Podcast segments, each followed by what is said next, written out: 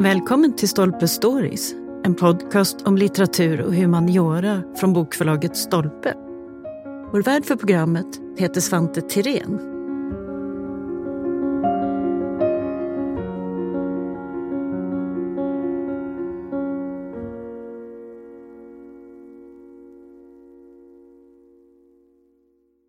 Just nu pågår spännande forskning om den stora värld av myter, riter och sägner som vi kallar för folktro. Och en av de som sysslar med det här, det är Tora Wall.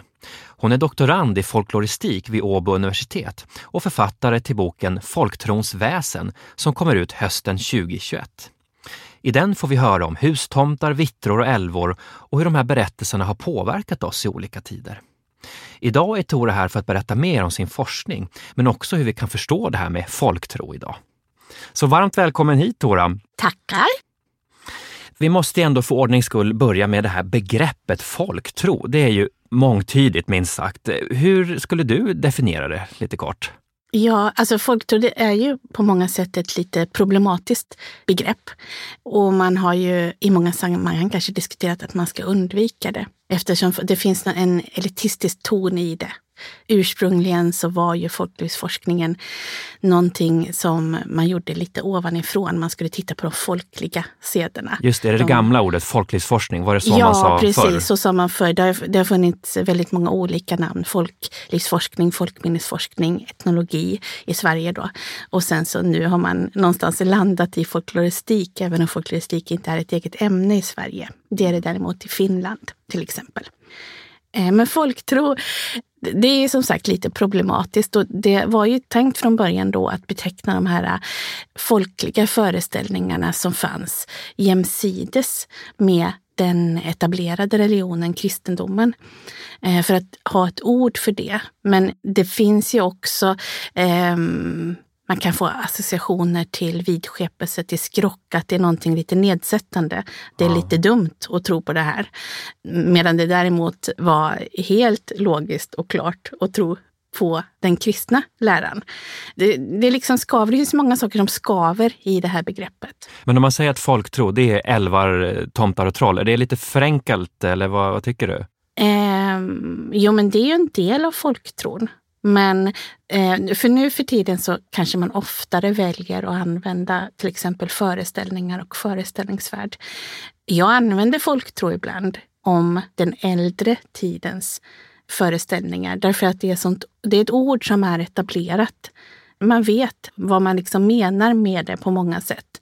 Jag tycker att det är svårt att helt ersätta det med någonting annat. Men när jag använder folktro så gör jag det ju som en beteckning för just det som du säger, till exempel föreställningarna om olika väsen, för den här magiska, väldigt komplexa världsbilden mm. som man då hade.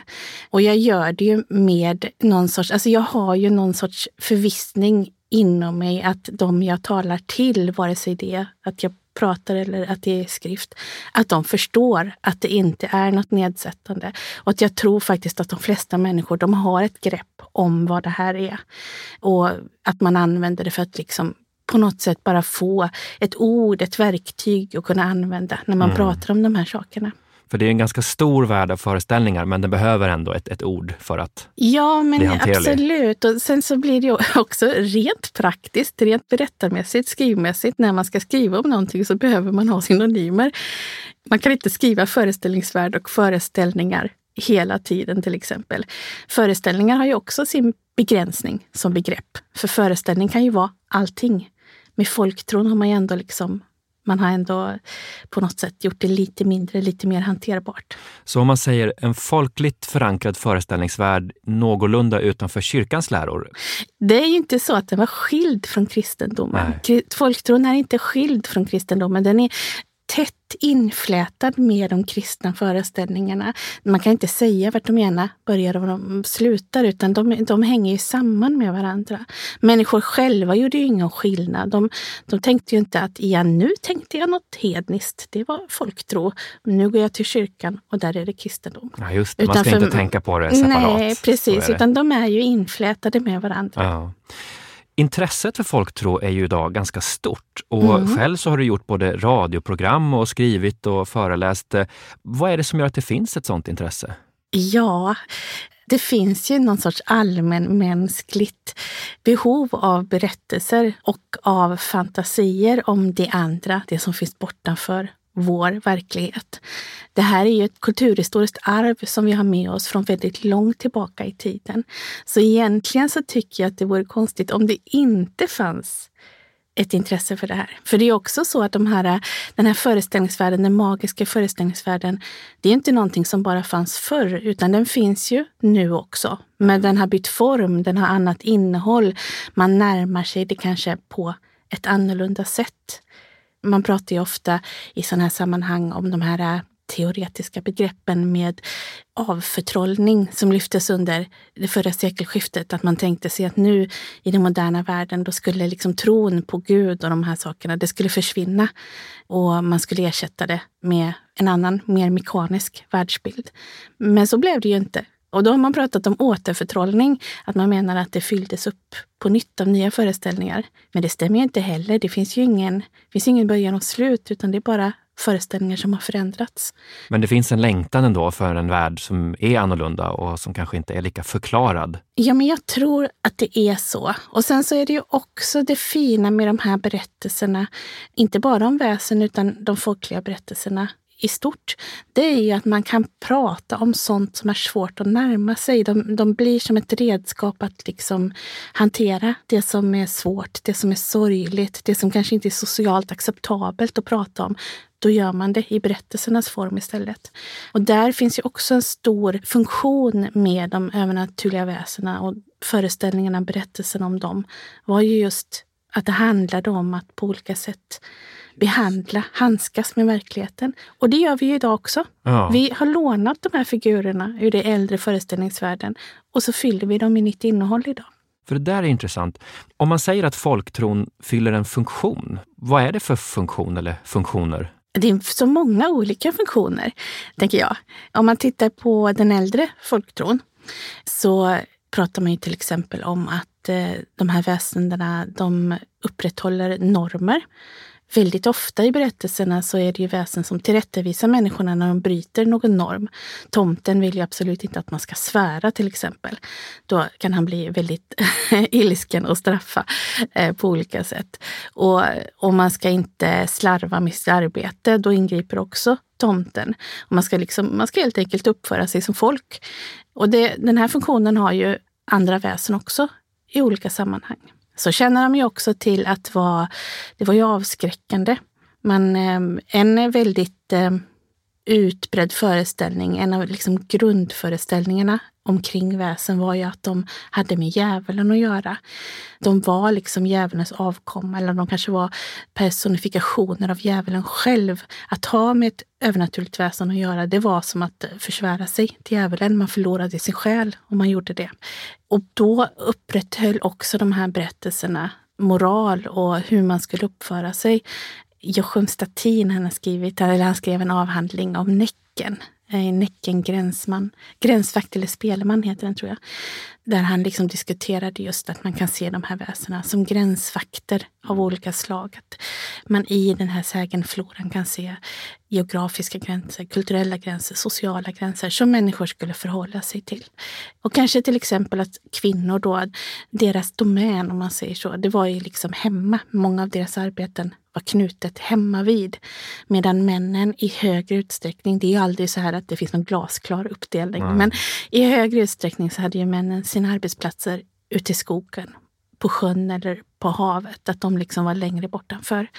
Och då kunde till exempel berättelser om Näcken som var speciellt farlig för kvinnor och eh, framförallt för havande kvinnor eller kvinnor som precis fött barn kunde de berättelserna vara som en begränsning, att man, man genom dem talade om att man skulle inte gå för långt hemifrån för då kunde man råka ut för Näcken eller man kunde råka ut för trollen. Nu ska jag tillägga att både trollen och Näcken, de kunde även ta män och barn och djur. Ja. Det var inte bara kvinnor de var ett hot mot. Men man kan se väldigt tydligt att eh, för kvinnor så var risken större när man träffade på de här väsendena. Så man kan säga att folktro har en, en ganska fostrande, nästan lite kontrollerande funktion? Ja, är det så? delvis har det ju det. Men det är inte bara det. det. Man fastnar ju lätt i de här tankarna, speciellt om man har studerat etnologi och folkloristik kanske, att man fastnar i just de tolkningarna. Men man ska inte glömma bort att väsendena också hade andra roller.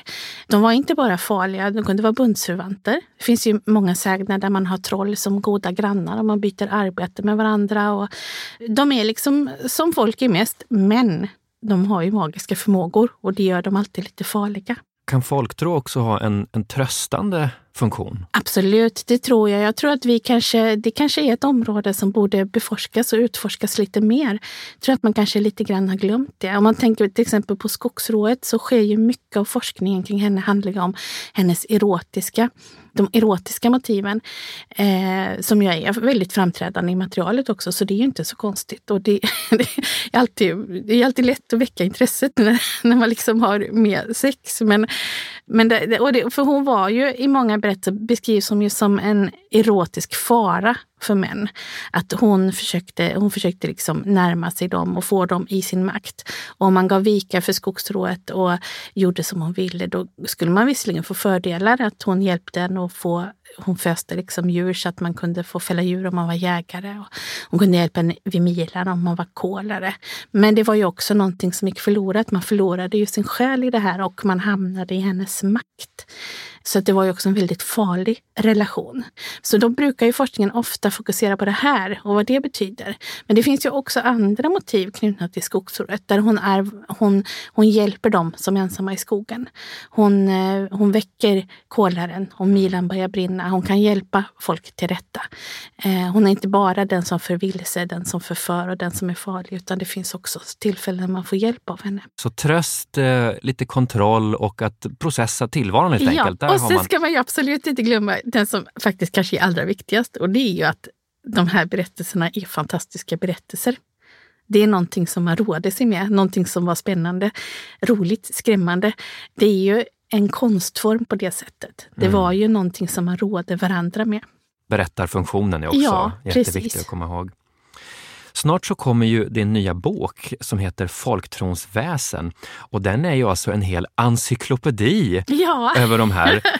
Jättespännande. Ja. Um, om vi börjar med några exempel bara. Vi måste se här. Älvorna till ja. exempel. Vilka är älvorna? Finns det älvor eller är det egentligen också ett sånt där begrepp som bara döljer massor av olika Ja, men visst finns det älvor. Men samtidigt så är det ju så med många väsen att de glider ju in i varandra. Älvorna, föreställningarna, motiven kring älvorna ligger ofta ganska nära vättarna och vittrorna och även till viss del trollen kanske. Men, men det är klart att det finns som älvor Mm. i folktron. Då ser man en liten skillnad, eller en liten ganska stor skillnad egentligen, mellan den äldre folktron om älvor och den yngre. Och i den äldre, man kan ju se, man har ju inte mycket kvar från medeltida föreställningsvärld. Men en del glimtar kan ju man ju få i olika källor. Och där berättas ju till exempel om, eh, om älvorna som de dansar. Dansen har ju varit väldigt central. De dansar och eh, försöker locka med sig. Det kan man se i många målningar också av ja, älvor. Då är det dansande precis, i, i men, lite skymning sådär eller? Fast där finns ju en skillnad då för att då är det ju, i de här äldre så är ju älvorna farliga. Det är farligt att träffa på älvorna. Man blir ofta sjuk efter att man har träffat på älvorna. Och det, det liksom finns inget sätt att, att, att göra rätt kan man uppleva. Antingen så väljer man att dansa med älvorna och då hamnar man i deras våld och det går inte bra. Eller så nekar man och då blir älvorna arga och sätter sjukdom på en. I den yngre folktron så är älvorna den här sjukdomsframkallande funktionen är väldigt dominerande. Att man pratar mycket om risken att råka ut för älvorna, att man kan bli sjuk. Men de älvorna som du nämnde nu, de här vackra skira älvorna som dansar i gryningen eller i solnedgången, de kommer i mycket med nationalromantiska konsten. Att de, för det är en väldigt spännande tid och innebär ju spännande förändringar i föreställningsvärlden. För då tolkade ju konstnärer och författare folktron. Just det, då är det konsten verk. som plockar upp ett ja, motiv. Och... men precis. Och då gjorde de ju sitt eget och då blir liksom, då kommer de här vackra, skira älvorna. För tittar man på de målningarna så får man inte känslan av att de här väsendena är farliga. Utan de är vackra, de är ett med naturen. De liksom glider samman med dimman. Så det är en väldigt mycket mer romantisk syn. Så att älvorna i sin mer ursprungliga form, de är lite farligare, lite läskigare? Ja, så Men kan man säga. så småningom så kommer konstnären att göra dem till lite skira, ja, vackra väsen. precis. Med ett romantiskt skimmer. Ja, kan man säga. Och sen så, det blir också spännande för man, när man tar upp det i barnlitteraturen, man börjar skriva mycket konstsagor om olika väsen vid sekelskiftet för att man tänkte att man skulle locka barn och framförallt arbetarbarn att läsa genom dem. Och då så utvecklas ju väsendena till, de har liksom kvar en del av dragen från den äldre folkliga berättarkonsten. Men de eh, blir snällare, mjukare. Och där kommer ju den här elvan som vi idag känner i barnkulturen med den här ja, fina klänningar. Ofta är de ju väldigt, väldigt snälla och de kan trolla och de glittrar ofta och dansar och Det kan låter flyga. lite som det här vi kallar för disneyfiering idag, eller? Ja, det kan man göra, men jag, är inte, jag tycker inte nödvändigtvis att man, man ska se med förakt på det, utan det är ju helt enkelt en utveckling som har skett därför att vi har fått ny teknik och nya berättarformer. Ibland så kan man ju bli lite störd. Men eh, det är ju egentligen, som folklorist så är det någonting som man mer förhåller sig till. Man tittar på vad som händer och tycker att det är spännande. Mm. Om vi tar det här med skogsrået. Eh, vi nämnde henne tidigare, men, men vem var hon egentligen? Skogsrået, hon är ju en otroligt spännande figur. En kvinna, nästan alltid kvinnliga skogsrån som man eh, pratar om i Sverige. Eh, och hon är en kvinna som är oerhört vacker om man möter henne och ser henne framifrån. Men bakifrån så har hon svans eller en rygg som är mörken, kanske barkig. Och det här speglar ju då hennes eh, förrädiska väsen, att hon kan te sig som en människa. Hon kan te sig helt mänsklig, men egentligen så är hon ju del av den hedna världen. Hon är magisk och hon är farlig. Och det mm. ser man ju då på ryggsidan som inte är det mänskliga. Är hon, skogsrået, eh, en väldigt distinkt figur eller finns det likheter med andra väsen? Ja, det kan man väl säga. Det, alltså, eh, längre norrut så glider skogsrået ihop med Vittra, för där är ju Vittra den dominerande föreställningen. Man pratar om intressedominans inom folkloristiken, att på vissa ställen så är det ett väsen som har blivit det centrala och till dem knyts sägenmotiv som på andra ställen kanske är knutna till andra väsen. På Gotland så, i många föreställningar som man berättar om skogsrådet på fastlandet, berättar man på Gotland om bysen som är en helt annan figur. Han är en liten gubbe som hålls ute i skogen och gillar att spela spratt och föra folk vilse. Så skogsrået, hon finns i en väldigt eh, specifik form, men ibland så glider hon in i andra ja, väsen. Och... Absolut, men man ska ju också säga att skogsrået, eh, föreställningarna om henne var ju väldigt utbredda. Det finns väldigt mycket material, uppteckningar med, med sägner och eh, trosutsagor och memorat om skogsrået. Så man kan ju se att det har varit, hon har liksom varit en lockande gestalt helt enkelt att förhålla sig till, att berätta om. Och det har ju förstås att göra med att skogen som miljö var... Dels så finns det ju väldigt mycket skog i stora delar av Sverige. Många har arbetat ute i skogen, så det var ju en miljö som man var tvungen att förhålla sig till. Och sen så är ju skogen också som plats lockande, mystisk. Men det är ju liksom det, där har man ju inte riktigt koll. Man vet ju inte vad som kan dölja sig i skogen och därför är det också en tacksam plats att placera berättelser mm. där, i den miljön. Så där igen, både berättarglädje men också det här lite farliga och andra saker som, som blandas ihop. Ja. Ja, men, precis som du sa nu, det farliga, det var ju faktiskt farligt att vara ensam ute i skogen. Eller ensam var man kanske inte, men man kanske var ett fåtal män som var där ute och jobbade. Och det både så kanske man tyckte att det var tråkigt mm. på de ställena där man var väldigt långt hemifrån när man var ute. Man längtade hem. Men också att det faktiskt var farligt. Om det hände någonting så var man utlämnad till sig själv. Och i de här farliga miljöerna så ser man ju att föreställningen om väsena blir mer viktiga. Skogsrået i skogen, ute på havet så har man ju havsfrun eller sjörået. Och eh, i gruvorna, där har man ju där har väldigt mycket föreställningar knutits till gruvrået eller bergsrået. För det är ju också, oh, det är få, jag tror att det är, så, det är så svårt för oss att föreställa oss hur det var att arbeta nere i gruvorna en sån fruktansvärd miljö att vistas i, att man var där nere i mörkret under jorden. Och hela tiden så fanns det risk för ras och risk för syrebrist, att man kunde dö där nere, krossad under berget. Eh, och hände det någonting så var det ju oerhört svårt då att hjälpa dem som blev fast där nere. Och då fanns gruvrådet där. Hon kunde både straffa de som liksom bröt, som försökte ta malm som inte var deras. Men framför allt så var hon ju någon som, om man var artig, om man förhöll sig som man skulle till henne, så kunde hon varna när det var på väg att rasa i gruvan. Vi behöver väsen ibland i de Ja, platser där vi vi. är ensamma och utsatta. Precis. Om du själv ska välja ett väsen som du tycker är extra spännande, vad skulle du säga då? Det här är den svåraste frågan av alla. Jag tycker att det är jättesvårt att välja. Alltså jag har ju en väldigt, väldigt eh, eh, en särskild plats i hjärtat för tomten. Jag tycker det är ett ganska underbart väsen. Han är på en gång en ganska sur och vresig gubbe, men han är också till oerhört stort hjälp för människorna. Sen har jag också en liten förkärlek till alla de här eh, underjordiska småfolken, vätter, vittror, även älvorna. Det finns något väldigt spännande med dem. Jag tror att det, att det har att göra lite med av den här fascinationen man har som barn av det lilla.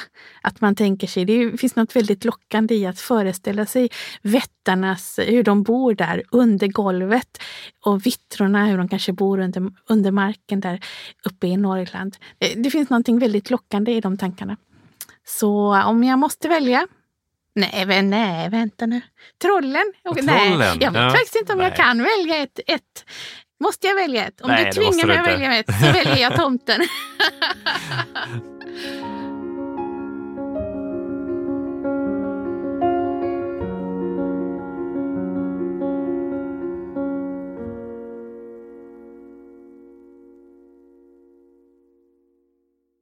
Många tänker ju på folktro just när det är stora högtider, inte minst julen. Om vi börjar med den, vad finns det för exempel på folktro som dyker upp?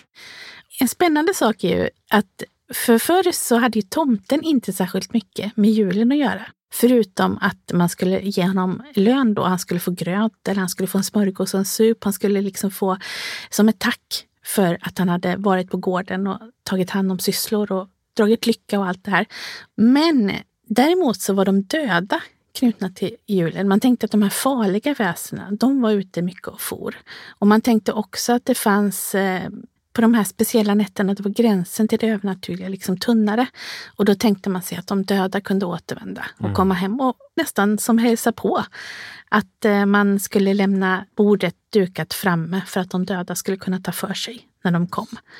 Och man kanske skulle lämna någon plats där de kunde sova.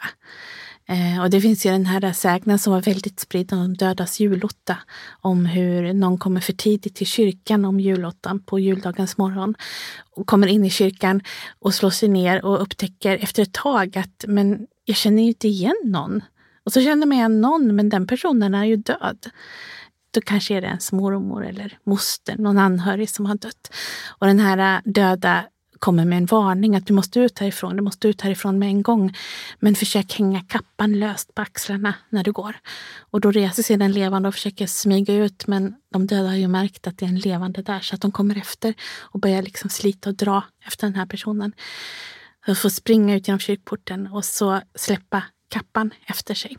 Och så kommer man hem, när folk kommer till den riktiga julottan på morgonen så hittar man den sönderslitna kappan liggandes på kyrktrappen. Mm. Borde vi bli bättre på att komma ihåg folktro utanför de här stora högtiderna? Att det inte bara blir då vi tar upp det?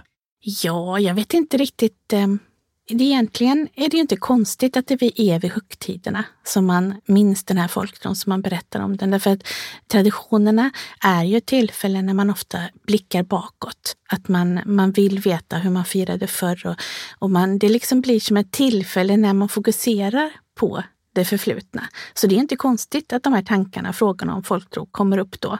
Eller att vi knyter, våra nutida uttryck för de här knyts ju ofta till högtiderna. Mm. Jag tänker på Lucia-tåget där man får fler och fler gestalter och där ju även tomtenissarna har fått sin plats och sådär. Det blir ju ett tillfälle att lyfta det. Man kan ju se det så också, att hade man inte gjort det då så hade man kanske glömt bort det. Ja, just det. Utan högtiden Ja, hade precis. helt hamnat i glömska. Precis. I din forskning så har du också ett samtida perspektiv på det här med folktro. Um, hur ser den ut idag? Kan du ge några exempel? Och vad är egentligen vår relation till folktro idag skulle du säga? Ja, det är ju väldigt spännande. Det är ju så att den kanske finns där smygande i bakgrunden. Man kanske inte riktigt tänker på den eh, alltid. Vi har många föreställningar som faktiskt är magiska som vi kanske inte, inte identifierar som magiska. Men vi använder ju också folktron väldigt aktivt i det som jag har forskat om, eller som jag forskar om kring min avhandling kretsar kring hur man använder folktronsväsen i barnkultur och hur man låter dem gestalta nya, nya saker helt enkelt. Och på så sätt använder man ju dem i konst och i litteratur och filmer. Att man ger dem ny gestalt och skapar nya berättelser kring dem. Så det här med att folktro är en gammal eh, förlegad föreställning, det är inte riktigt sant, eller hur? Absolut inte. Där har du helt rätt. Det är ju inte sant. Ja. Du har berättat att det fanns eh, en tid då folktro inte ansågs vara helt seriöst va, inom forskarvärlden. Hur, hur såg det där ut egentligen? Ja, det kanske är mer att det liksom har hamnat i skymundan under en ganska lång period. Efter de här, när 1968 kom och man började så började man ju liksom vilja forska om samhället, om saker som man hade väldigt nära sig. Och i den tidsandan så kanske folk tror lite grann som någonting, ja, lite flummigt. Man såg det som någonting som hörde till det förflutna. Det liksom passade inte in i den tidsandan som då växte fram på något sätt. Och man var inom, eh, inom dem, det var ju framförallt kanske inom etnologin då, att man sökte efter nya, man ville ju förnya sitt ämne, man ville hitta nya forskningsområden. Och då eh, så gjorde man det. Man helt enkelt hittade nya fält och många av de fälten är ju otroligt spännande. Så det är inte någonting negativt i sig. Men det är ju tråkigt kanske att man glömde bort den här andra biten som också är spännande. Och man kanske inte riktigt såg heller att det var någonting som fortsatte att växa, som också var en del av samhället, som också speglade samtiden. Det var inte bara det som hörde till det förflutna utan också det som hörde till samtiden. Men eh, när etnologin, folklustiken, kanske tog ett steg tillbaka från de här ämnesområdena så har det också skett en ny utveckling om det att eh, många andra ämnen har tagit ett steg fram. Särskilt de sista tio åren skulle jag vilja säga så har det mm. skett otroligt mycket väldigt spännande forskning i religionsvetenskap, i historia, i litteraturvetenskap, olika ämnen som har närmat sig det här. Och, och nu tycker jag att det är helt fantastiskt att det liksom är en, ett bubblande område som jag tror man kommer att kunna komma fram till väldigt spännande saker tillsammans. Att det är så ja. många ämnen som möts nu. Ja, vilka är det som forskar om folktro idag? Du doktorerar i folkloristik, men ja. vad finns det fler för områden som tar sig an folktron? Eh, ja, men det finns jättemånga. Eh, Torun Zackrisson som är professor i arkeologi och forskningsledare på Upplands museum. Hon har skrivit otroligt spännande eh, saker där hon kopplar samman arkeologiska fynd med äldre tiders folktro. Och det här var ju nästan förbjudet under ett tag. Det var ingenting man kunde göra. Eh, för att det, det, den allmänna normen var att nej, det finns inga sådana samband. Men hon har ju visat att det finns fantastiska saker som man kan göra med det här. Mikael Hell i Lund, han skrev en, en underbar avhandling och varje gång jag ska säga titeln så glömmer jag den. för att den är, väldigt, den är ganska lång. Men den handlar om skogsrået och djävulen och trollen, erotiska motiv knutna till de här. Och han tittar då på trolldomsprocesserna, på det material som finns om dem och hur väsena skildras där. Och då är han ju i 1600-1700-tal. Och det är väldigt spännande att det är den här tidig moderna tiden som han tittar på. Och ja, så, ja jag vet inte. Jag så det är många, men det, det, men det är viktigt med en, med en bredd i det här? Ja, absolut. Hur kommer det sig att folktro ser så lik ut i helt olika delar av världen? Ja, vilken bra fråga. Det har många människor funderat över. Och jag vet inte om man riktigt kan komma fram till ett entydigt svar på den frågan. Men det är ju väldigt spännande. Dels är det ju så att en del föreställningar, en del berättarmotiv har vandrat väldigt långt. Att man har liksom fört dem med sig när man har varit på resa eller varit tvungen att flytta. Så har man tagit med sig det och så, så har det spridit sig vidare därifrån. Sen kan det ju mycket väl vara så att en del motiv knyter an till något väldigt mänskligt, grundläggande mänskligt, så att det uppstått samma motiv på olika platser för att man har ett mänskligt behov av att eh, handskas med just det. Till exempel kring de döda. det finns ju oerhört mycket folktro kring vad som händer när man dör och vad som händer om någon skulle komma tillbaka. Mycket rädsla, mycket sorg som kanaliseras in i de här berättelserna. Mm att göra en encyklopedi över den här stora variationsrika världen ja. med folktro. Hur, hur, hur gör man det? Ja, det var ju lite galet svårt faktiskt. Därför att det är så svårt. Det svåraste är ju faktiskt att välja vad som ska vara med och vad som inte ska vara med. För allting kan ju inte vara med. Då skulle jag aldrig bli klar. Så där fanns det ju en svårighet. Och så är det ju nu. Det här är liksom bitar av folktron som finns kring de här väsendena. Men jag hoppas att jag lyckas välja de centrala bitarna. Och framförallt så tänker jag med den här boken att det ska liksom vara ett steg in i den här magiska fascinerande världen. Att man ska kunna få veta grunderna, eh, se vad, vad man liksom har kommit fram till i forskningen hittills och kanske förhoppningsvis inspirera de kommande generationernas forskare Just att ta sig an det här området. I den här boken så går du ju verkligen igenom väsen för väsen. Du berättar lite om deras ursprung, hur de ser ut i olika sammanhang, hur de har förändrats. Mm. Vad tror du kommer överraska mest för de som läser den här boken? Och jag tror att det kommer att vara lite olika överraskningar. Om man är lite ny i det här intresset, att det här kanske är en av de första böckerna som man läser, då tror jag att man kommer att bli lite överraskad att det inte, de, de här väsendena, de, de är ju liksom inte snälla på det sättet som man kanske idag ofta uppfattar att västernderna var. Just det, inte så gulliga inte och så gulliga. sagoboks. Ja. ja. precis. Men samtidigt, för idag, det, man har ju också en tradition idag där man använder folktroväsen i skräcklitteratur. Och då kanske det blir åt andra hållet, att man upptäcker att de är inte bara skräckväsen. Det finns ju andra saker också i de här berättelserna. Och så tror jag att man kanske just den här kulturhistoriska kopplingen till människors liv, till hur de här berättelserna uppstått och vad de betytt i samtiden där de har berättats. Det hoppas jag att man kan upptäcka lite av också. Mm. Om man inte ser folktro bara som någon gammal sagovärld utan som en kunskap om människan, mm. vad tycker du är viktigt att ta med sig för, också för att förstå idag? Det finns ju väldigt mycket man kan ta med sig. En sak som man kan ta med sig är ju faktiskt förståelsen för, en, en sorts inre förståelse för hur människor hade det förr. Det finns ju mycket sån kunskap att hämta i sägnerna. Man kan ju få glimtar av vardagslivet som man faktiskt inte kan få i andra källor. Därför att man berättar om sitt vardagsliv, eh, om problemen, om sorgerna, men också om glädjeämnena. Eh, så jag tycker att man får en väldigt fin bild av människors vardag i mm. de här berättelserna, fast de är så fantastiska till sitt innehåll. Tolkien, som jag skrivit Sagan om ringen, han jämförde, han använde sig mycket av olika folklormotiv i sitt skrivande. Han jämförde folkloren vid en, en väldigt stor kittel där det bubblade runt alla de här olika motiven och så kunde man ibland fiska upp ett och så använde man sig av det. Men man skulle hela tiden vara medveten om att det här var, det var inte ens egen, utan det var någonting som var allas. Och jag tänker att så är det med folktron och alla de här berättelserna. Man kan, när man behöver det, så fiskar man upp någonting och sen så använder man sig av det på det sättet man själv behöver.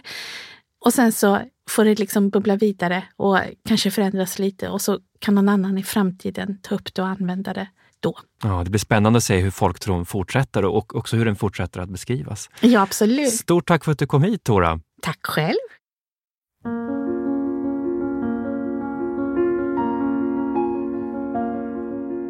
Tack för att du har lyssnat på Stolpe Stories. Missa inte att du som lyssnar har 20 rabatt på bokförlaget Stolpes titlar hos Bokus.com. Aktivera rabatten genom att ange koden STOLPE20. Och för att lyssna på fler avsnitt, följ oss där poddar finns och på sociala medier.